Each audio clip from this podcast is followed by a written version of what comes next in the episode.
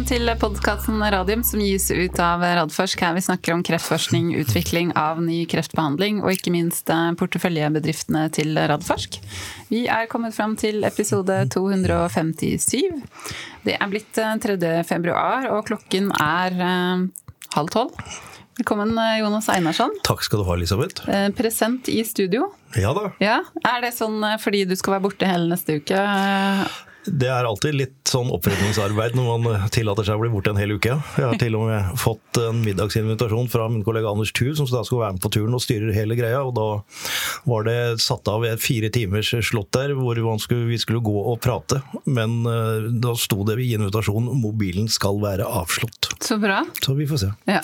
Men uh, du skal jo da til New York på en konferanse. Vi kan ta litt om det etterpå, sammen ja. med nyheter og et spørsmål vi har fått på norsk. Og så går vi rett over på på dagens eh, tema, som det er Sylvina. Seluna. And it's uh, nice to have you with us on Zoom. Namir Hassan, CEO of Sylvina. Welcome. You're very silent. Thank you very much. and also uh, nice to have you with us, Anders Holm, Chief Operating Officer and Head of BD here in the studio at uh, Oslo Cancer Cluster Innovation Park. Thank you. It's uh, great to have you with us again. Uh, I looked in the archive, and you haven't been in the podcast actually since uh, September 2020. And I know a lot of things have uh, happened uh, happened with the company. So we're looking forward to to learn more about that and talk to you today. Um, but firstly, um, for our listeners not so familiar with Luna, can you give a, an introduction to the company and also the technology that you are developing? Because that's a bit different different, a lot different from the other companies that we have in the portfolio. Sure, uh, and thanks again for, for the invitation, Elizabeth and uh, Jonas. It's uh, hard to believe that it's been that long, but you're right, it has been that long, over two years since we were last here. And as you say, a lot has happened. Uh, so, so maybe just a, a, bit of background on Zelluna. Um, some of your listeners may have heard of us. We're a small organization uh, 24 people in Oslo with um, research facilities um, uh, and a really um, exciting platform technology. And, and I would say uh, we're pioneering an approach um, that we don't believe anyone else uh, is using. Um, it's an approach that's firmly uh, within the what's called the cell therapy space. Uh, so, some of your listeners may have heard some of the uh, recent um, developments uh, in this space, whereby we have seen some remarkable um, responses in cancer patients with certain types of cell therapies. The first wave of those being what are called T cell therapies, which is a type of immune cell, a uh, very powerful immune cell in the body. Uh, and there has been some really um, uh, impressive developments uh, in guiding uh, T cell based therapies to treat certain cancers. And indeed, we've had some approvals in the space, particularly for liquid cancers. and we may begin to see some approvals emerging for solid cancers. So cell therapies uh, in the last 10 to 15 years have, have really um, made an impact on cancers, particularly on liquid cancers the guidance of those types of therapies has been with uh, what are called um, chimeric antigen receptors or CARs mostly. Um, and the challenge we've seen there is that CARs have found it difficult to penetrate solid tumors.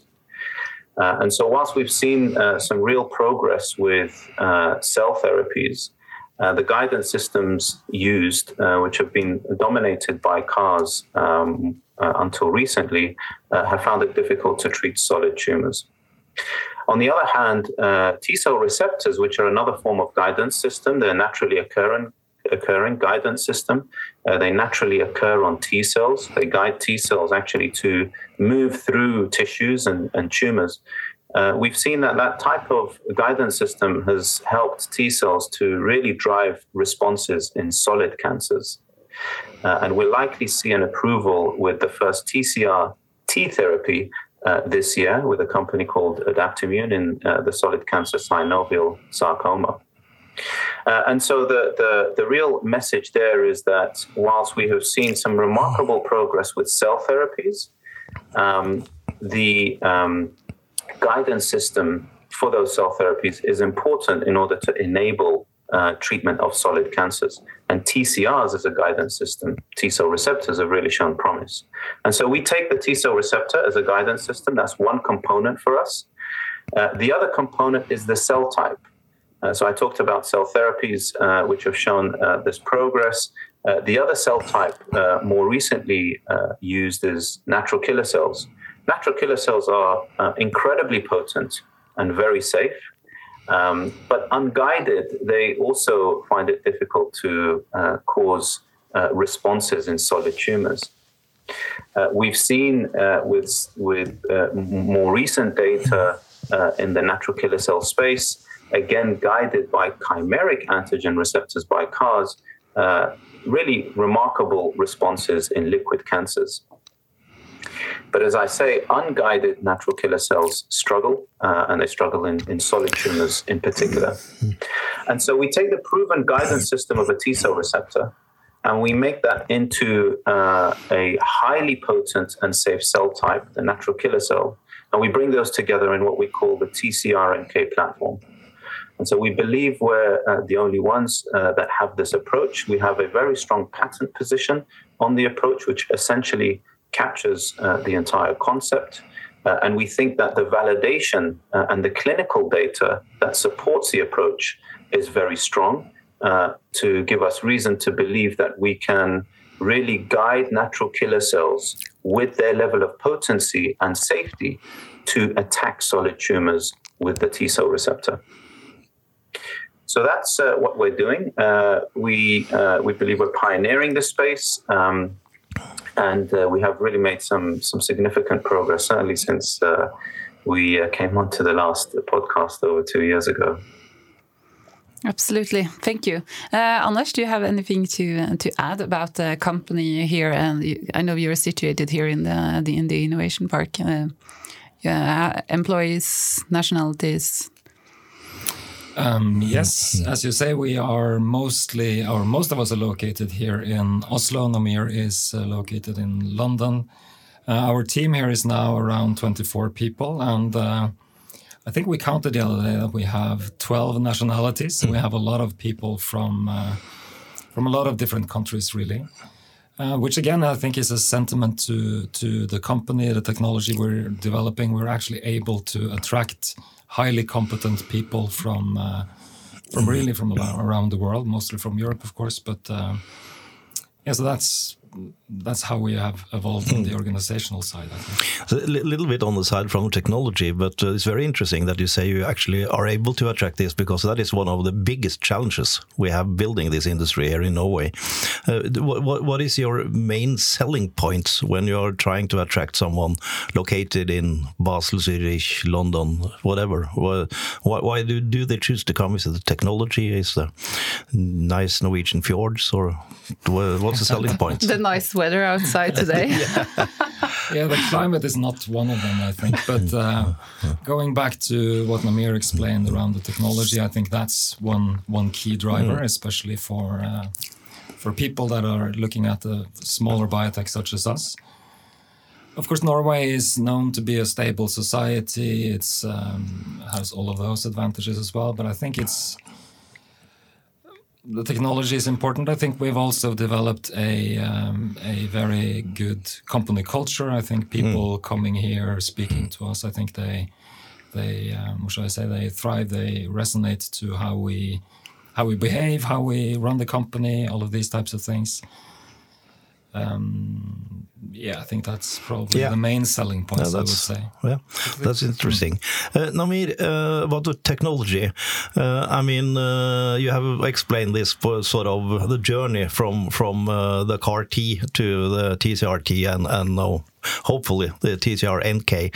Uh, and we know that there are some uh, advantages, of course, the, the efficacy of, of, what we have done so far, but there are also been a lot of problems with, with side effects, uh, time for manufacturing, price, etc. Uh, could you give us a little bit what what's what's the really advantages with, with your technology?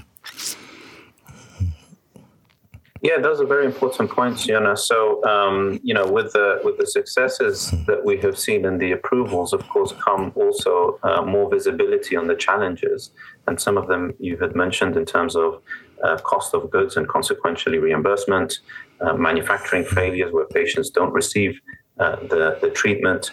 Uh, and so that for that uh, for, for those things that speaks to the advantages generally of what are called off-the-shelf cell therapies uh, in which we fit uh, so the nk therapies fit into what's called the off-the-shelf cell therapy category uh, meaning that we can generate an upfront batch from a donor a healthy donor uh, where we produce these tcr nks at large scale and then we can treat multiple patients with those with no concern uh, around uh, the safety um, consequences of that. So, natural killer cells from one donor can be used in in others uh, without graft versus host disease or a cause for significant safety uh, and, and, toxicity um, manifestations.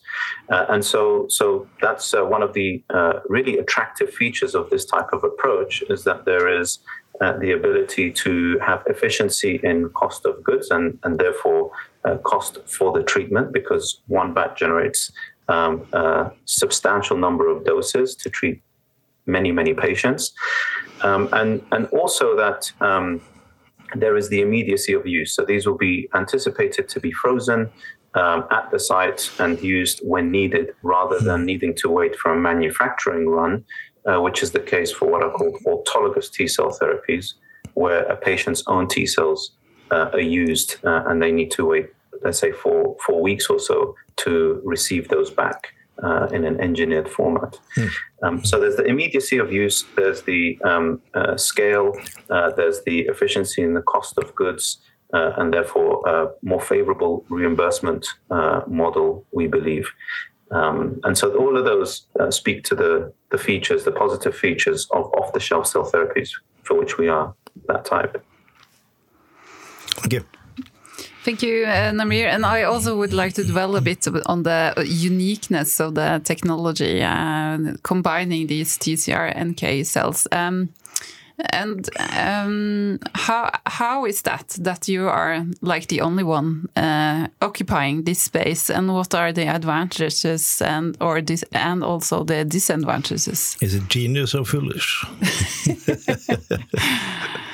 Mean, there's uh, a lot of, uh, isn't it uh, like uh, 2,000 cell uh, therapies uh, in the pipeline now being developed? So it's a crowded space, lots of different approaches, and usually they tend to go in the same directions, a lot of them, but you have chosen your own little niche. So tell us more about this. No, it's a very good question. And I mean, I guess like other um, great ideas in hindsight, it's you know a mix of um, it's a mix of design and luck, let's say.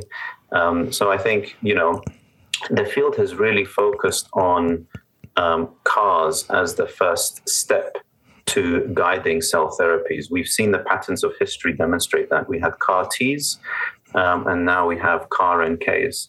Uh, and TCRs have probably gained momentum over the last 10 years or so. I've been in the field for about 20 years developing TCR types of therapies, but probably more widespread momentum over the last 10 years where um, we have seen really compelling clinical data demonstrating that TCRs uh, are really the scaffold that can guide cells into solid tumors hmm. um, and, and drive responses across all sorts of different solid tumors all of which have really uh, uh, enormous fundamental, uh, enormous unmet medical need. Uh, and so I think there is there has been the first mover advantage. That's one aspect where TCRs were considered uh, potentially uh, also beneficial for guiding natural killer cells. So one is the first mover advantage, where the field was more focused on CARs. The other is, of course, our strong patent position, which really covers any TCR in any NK. So that's a concept position that's incredibly uh, powerful. And that's um, since we were last on the podcast, that has actually matured to go through a number of grants across key uh, territories. Um, so that's that's an important uh, aspect there, and we've been developing uh, know-how in this space. You know, part of the reason why TCRs uh, are perhaps have come behind CARs is that TCRs technically are more difficult to to play with they're more difficult to, to develop. Um, so I, there is that uh, expertise that's required to, to really uh, develop TCR based therapies. Um, whereas with CARs, they're, they're, based on antibody scaffolds, and there's much more uh, technical uh, depth of, of experience historically uh, and perhaps uh, they're easier to manipulate, I would say. so there is the um, first mover, there is the patent position, and there is the know how that's needed really to get us to where we are today. And I think where we are today is that we have really significantly de risked um, a number of elements, particularly around the, the, the, technology. So we believe it can work. Uh, we believe that um, it can be done, it can be done at scale. Um, and so the, the, the, science is very sound, which is a very, very uh, strong position to be in where, where the science can be shown to work, uh, which of course is not a given, um, but uh, we anticipated it would uh, just because of what we know about the individual components of TCRs and NK. Great, thank you. Um, we have just uh, started a new year, 2023. Um, but if you look a bit uh, in the hindsight, in the uh, rear mirror, how will you sum up the highlights of 2022 before we talk about more about the future? Yeah, I can take that. So um, I think 2021 was really around building the science of the TCR-NK concept. It's as Namir says, it's a very new, it's a new concept. We're the only ones doing it. So spending 2021 really building the science around the concept, showing that it works. 2022 has been maybe a little bit more product, or the year of the product, to put it that way. Uh, you may recall that we have in-licensed um, certain T cell receptors those were very good hmm. starting points and potential lead candidates. We've spent quite a bit of time in 2022 optimizing the performance of the T cell receptor for our lead product, which puts us in a position to actually have a lead product right now. Mm. Um, another highlight, I think, has been uh, the manufacturing process, setting up a lab scaled process to, to really manufacture the TCR NK cells and a process that will be tech transferred into a CDMO for GMP manufacturing uh, in this year. I think, yeah, as Namir mentioned, we have had grants on the concept IP. So this is now granted in key markets such as the US, Europe, Japan, so on, uh, which really has reinforced the patent position. I think we have continued to build the organization, as we touched upon a little bit earlier, hiring key people into the organization to continue to build that part. And of course, it's fundraising. I mean, the financial markets, the climate has been extremely tough in 2022, I would say. Yeah. And still being able to to raise funds in such a climate, I think is really, really a highlight. And of course, having Takeda Ventures on board is uh, certainly a key highlight of uh, 2022, I would say. Yeah, that's uh, that's really a great achievement. I mean, uh, as far as I know, and I know this is actually the first time one of the venture arms of the really big pharma companies is going into one of our startup companies. So that's that's really a great achievement, and it's it, it's uh, they don't do very much uh, many of, of, these kind of investments, and they look at hundreds and thousands of opportunities. So I think that's a validation of the company. Yeah, absolutely. Mm. And and uh, up, uh, up following question there, what what kind of doors does this open to you with having Takeda on board? Yeah, I mean, Takeda Ventures, they invest strategically in technologies that they believe is a fit with the pharma arm. So, of course, as, as Jonas says, we see this as a validation. It's certainly something that, uh, that Takeda is interested in. Um, and it would I mean, it serves mainly as a validation, but of course, we've had um, Miles Jerson on board as uh, as a board member, which brings a lot of competence, of course. So in that perspective as well, it's not just uh, funding; it's also competence, network, and of course, it's being noticed, right, by by other companies uh, that Takeda um, Ventures have invested, which, of course, for them as well uh, serves as a validation of the technology um, they would have been through due diligence on the IP, for example, mm. which is also mm. uh, an important validation of that aspect. Um, so certainly, it um, it will open doors, I'm sure. Mm. Looking forward to see what doors they will open. And yeah. also, you have set up uh, a collaboration in 2022 with Nextera, another Radforsk yeah. uh, portfolio company, and also a company called Etcembly on developing better T cell receptors. May you say something about this collaboration? Yeah, so one of the highlights, as I said, for uh, 2022 was really um, was really optimizing the T cell receptor we in licensed from MD Anderson. So in order to do that, uh, we uh, have started collaborations both with Nextera and with uh, Etcembly.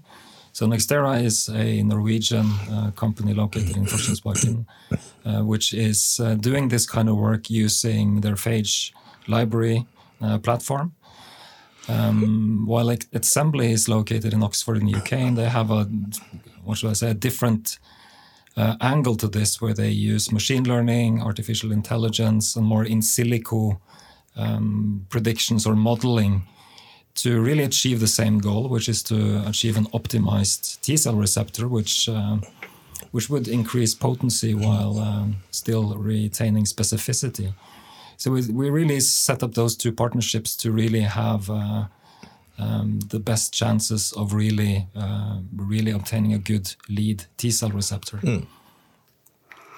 Sounds good. Um, we have to move over to the clinical development, maybe the most uh, exciting times uh, you're now moving into. And uh, you have a huge uh, uh, preclinical portfolio, and also now, as you say, Anders, you have a lead product. May you say some, a bit more about the pre preclinical program that you're midst of developing?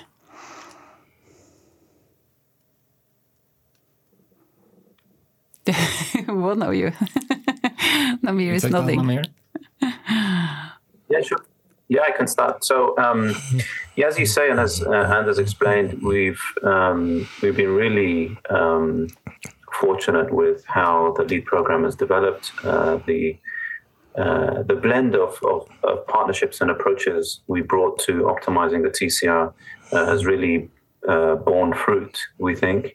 Um, and the process, uh, the NK process, uh, which again is, you know, this is a complex process.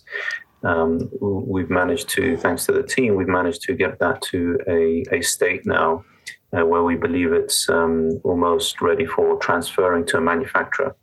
So where we are now is that we have um, a, a, lead a lead for this program. Uh, we're aiming to transfer to a manufacturer this year. Uh, so that's one of the key milestones for this year. And we've been fortunate enough to uh, hire a head of CMC at the end of last year. Uh, that will be overseeing the process. Uh, Emily, who uh, joins us from Gilead and deep experience in cell therapy manufacturing. Um, and, and, and that takes us to a potential CTA filing, clinical trial application filing in Q3 2024.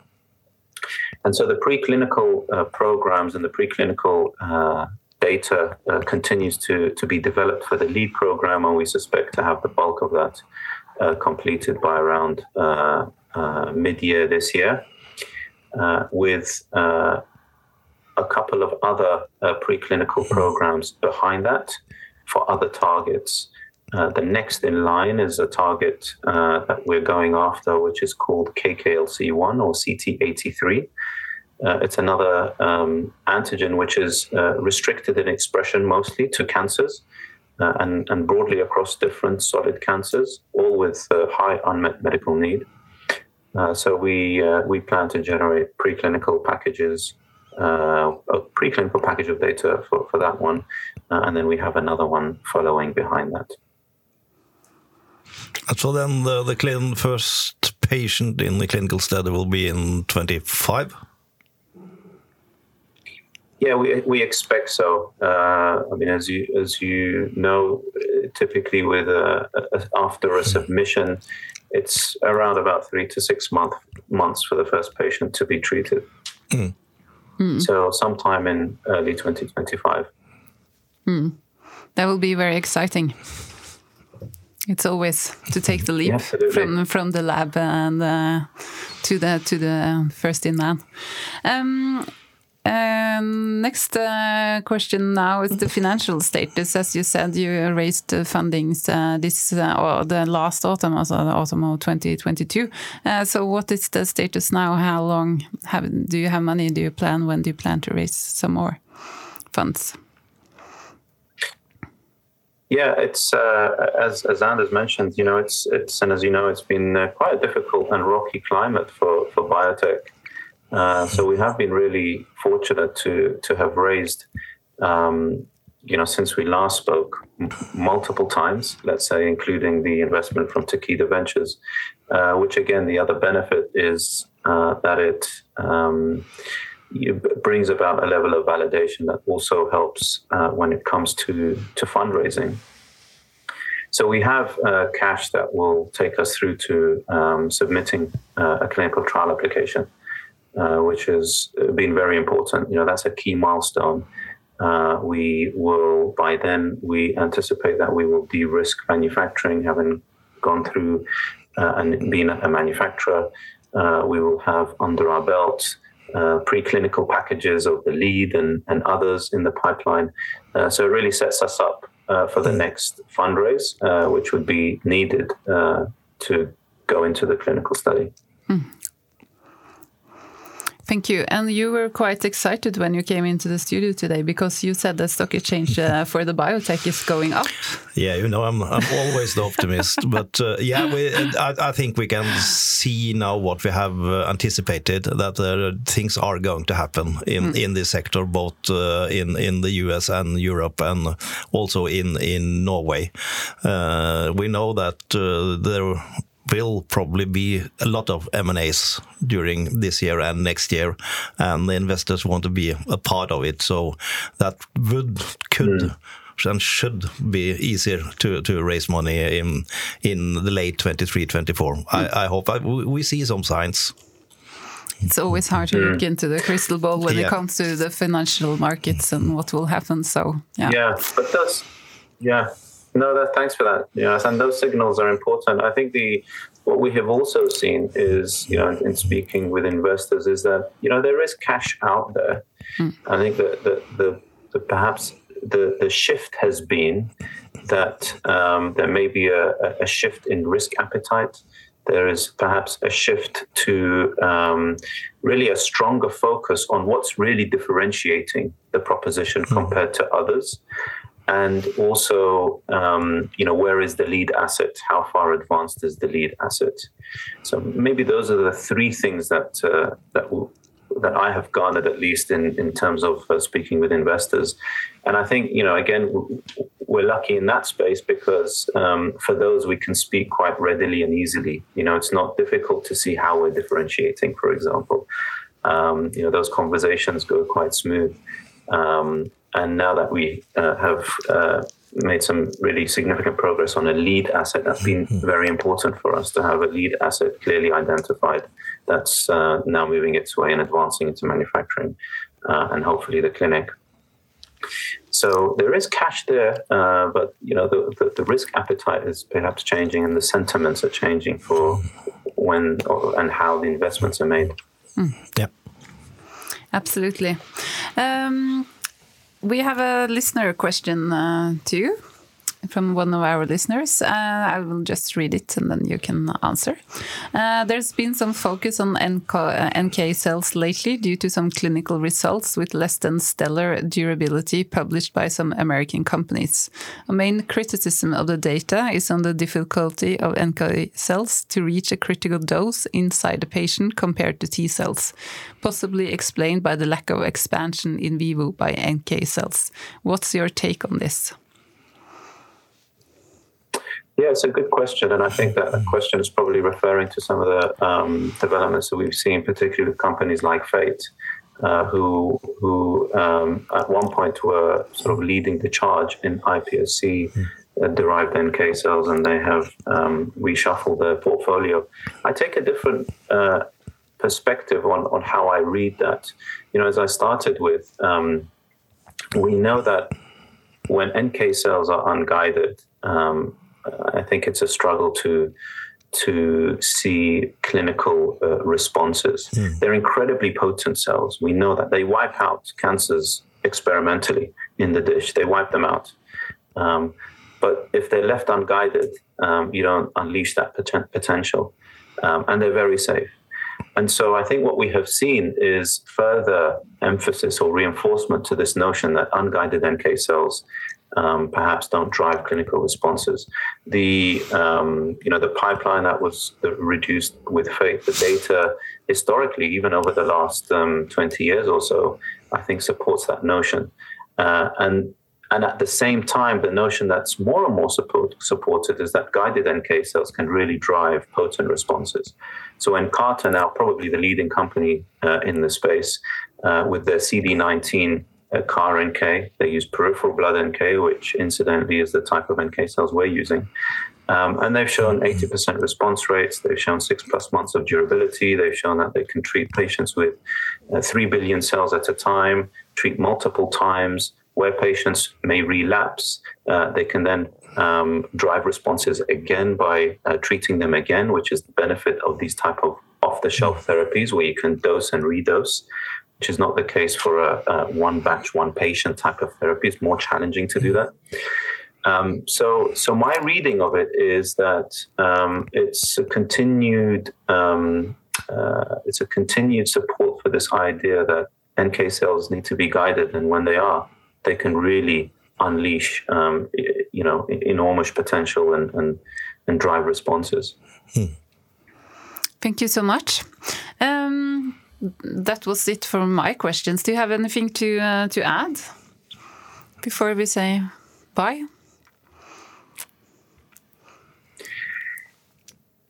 No, I mean, I, uh, just to thank you again. Uh, you know, it's it's a real privilege to um, to be operating in the uh, in the Norwegian ecosystem. I've seen, you know, a, a, lot of development in the ecosystem over the last uh, uh, years that I've been part of it in 2018, since 2018.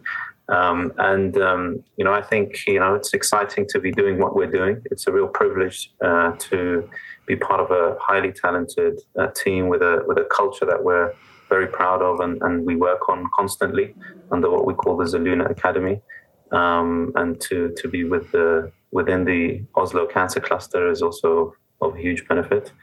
Um, I will be excited to come back and share some more news uh, when the time comes, and if you'll have us again.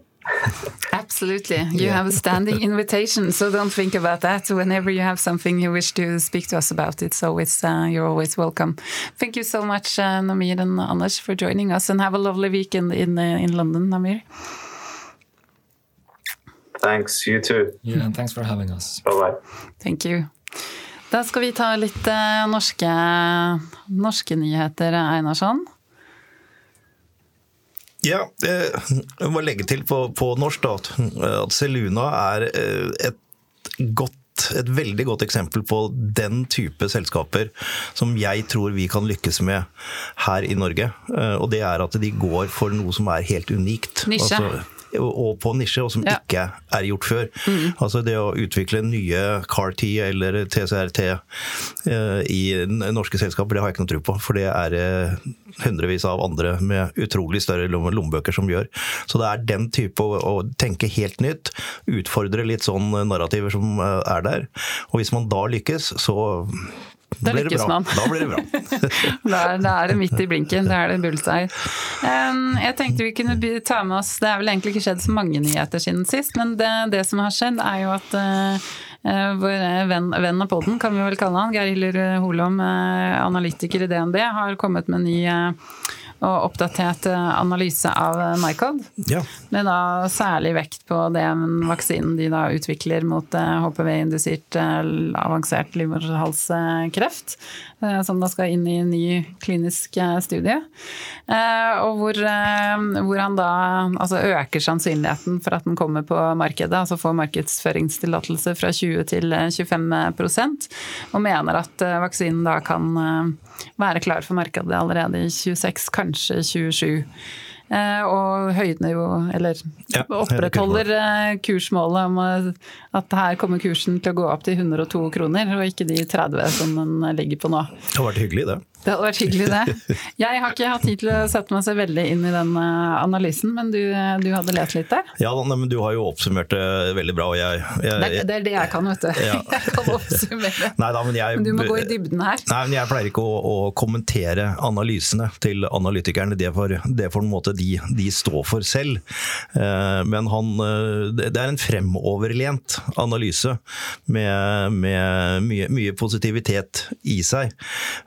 Det å få en uh, accelerated approval, som han jo på en måte legger til grunn at han tror at de kan få, det hadde jo vært helt fantastisk suverent. Men uh, den uh, lista ligger høyt. Men uh, han tror nå de kan, kan, klare å få det til, og det som sagt hadde vært veldig hyggelig både for pasienter og for investorer i, i Nycod. Så mm. vi får se. Mm. Men da har jeg et oppfølgingsspørsmål som jeg ikke vet om du kan svare på. Men det med accelerated approval, er det noe som er vanskeligere å få nå med FDA? Har de blitt ja. strengere? Ja, ja ikke sant? Så nå har det blitt et enda trangere nåløye enn det det har vært tidligere? Ja, de slapp nok litt mye opp, og så viste det seg at det ble en del eh, failures i, eh, i fase tre som man jo da må gjøre samtidig som man er på markedet det er liksom det som er accelerated approval. Du får lov til å markedsføre og behandle pasienter, men du må kjøre en kjempestor fase 3-studie. Eh, og, og, det er klart at en fase 2-studie, randomisert eller, eller, ikke, vil ha sine utfordringer i, i forhold til dette. Men det er klart at får du gode resultater fra en fase 2-studie, så har FDA sånn dobbelt. De vil ikke slippe noe på markedet som de ikke syns de har god nok data på. Samtidig, så hvis dataene virkelig peker i retning av at dette hjelper pasienter med sånn virkelig high unmet medical need, mm. så har de sånn også en forpliktelse på å prøve å få det ut til pasientene så fort som mulig. Så det er denne balansegangen som kanskje, ja, som kanskje ja. har skifta lite grann. Men det betyr ikke at man ikke kan få til accelerated approval, men man må kanskje ha enda sterkere data enn man hadde før. Mm. Supert. Eh, ikke noe mer du ville si om den analysen der, skjønner jeg? Nei. Eh, og så har du fått et eh, spørsmål. Eh, du har tidligere nevnt at dere i Radforsk ikke tar personlige eierandeler i oppstartsselskaper. Vi har fått et spørsmål om det fortsatt gjelder. Ja, det er en, egentlig en veldig lang historie, siden jeg begynte med dette her for snart 23 år siden.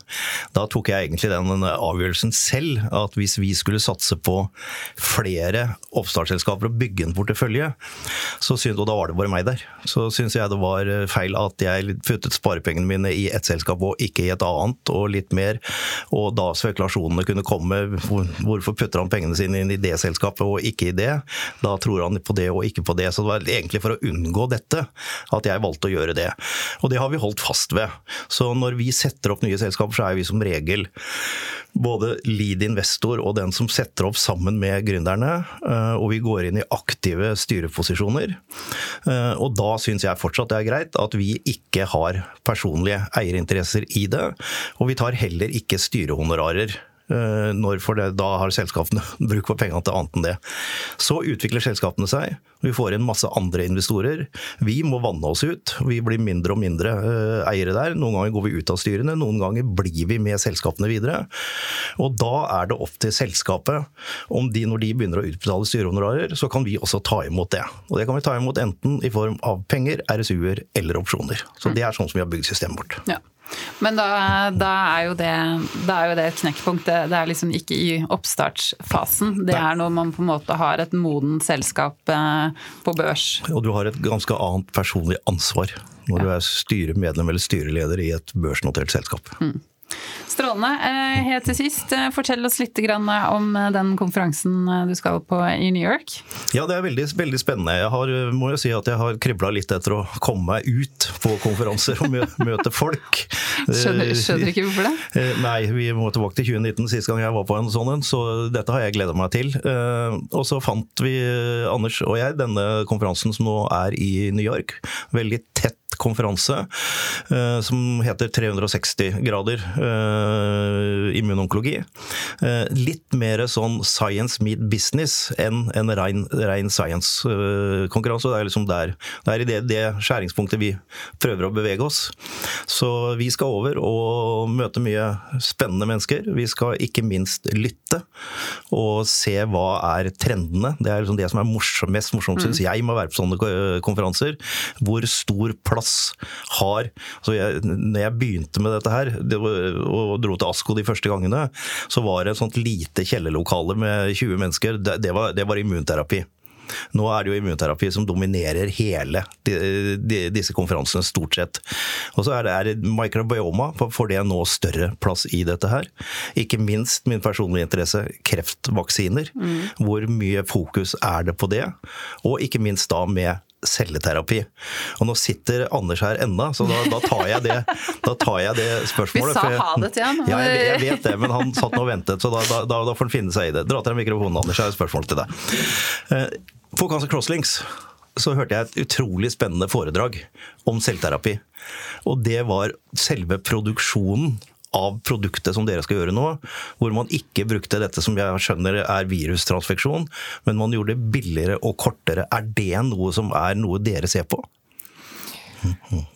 Ja, på sikt så er det det. Det er vel egentlig ingen av de teknologiene som er modne nok for at vi Altså vi ønsker å ha en prosess som, er, som det er minst mulig risiko ved. ikke sant? Så vi har etablert en prosess som, som benytter seg av ting som er validert fra før, og som vi mm. vet fungerer.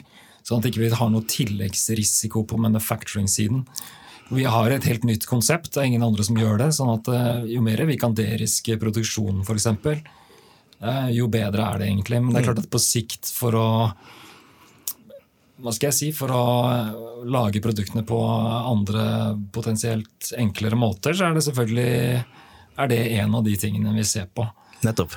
Jeg tenker at for, for, de som jobber med det som er av teknologier nå, så må jo det være en kjempefordel at det, tiden blir kortere og kosten blir mindre. For dere vil jo kosten uh, mindre være absolutt et, uh, et pre, men, men, tiden det tar er kanskje ikke så farlig for dere. For hvis jeg forsto Nami rett, så produserer jo dere før pasienten har bruk for det, og ikke sånn at pasienten må vente. Og han nevnte dette også med failures. Det er ganske tragisk. Du har en pasient som er i aller siste fase fase, og du vet at denne behandlingen med CAR-T eller hva det er, kan faktisk redde pasienten, og så feiler produksjonen, mm. og så dør pasienten. Det er klart det er, kjempe, altså det er en kjempefordel med en sånn type teknologi som vi gjør. Altså CAR-T som er på markedet nå, da tar du jo celler fra pasienten, skipper de et eller annet sted, gjør engineering og skipper de tilbake. Så du er helt avhengig av pasientens egne T-celler, eget immunsystem. Akkurat som med checkpoint-inhibitorer og vaksiner også er. Men vi tilfører jo da nye, friske celler fra en donor. Sånn at det, er klart, det gjør at vi kan produsere la oss si, mellom 10 og 100 doser per batch. Mm. Mm. Og så bare shippe de on demand. ikke sant? Sånn at det er klart at eh, vi har ganske mange flere pasientdoser å splitte disse kostnadene på. Mm. Og tiden det tar å lage produktet, er jo heller ikke altså Det har ikke noe ikke noen sånn stor hva skal jeg si, verdi for oss, egentlig, Nei. fordi vi kan masseprodusere på forhånd og bare sende ut til de pasientene som trenger det. Uh, så fort som mulig. Super. Så det er veldig mange fordeler med å, å, den type off the shelf uh, celleterapier versus de som er på markedet i dag. Da. Ja, Veldig fint, Anders. Jeg synes Det var viktig å få fram de poengene også for våre, våre lyttere på norsk. Så det er veldig bra.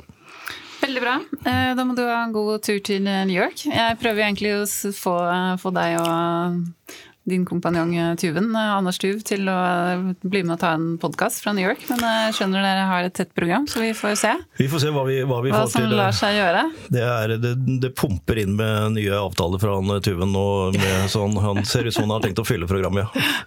Ja. Og så vet jeg at når du kommer tilbake, så skal du være med i et eh, panel på Partnership for Life, som er uken etter, som er en del av eh, store livsvitenskapskonferanse. Så da tenker jeg at da kommer du jo inn fresh med masse insights.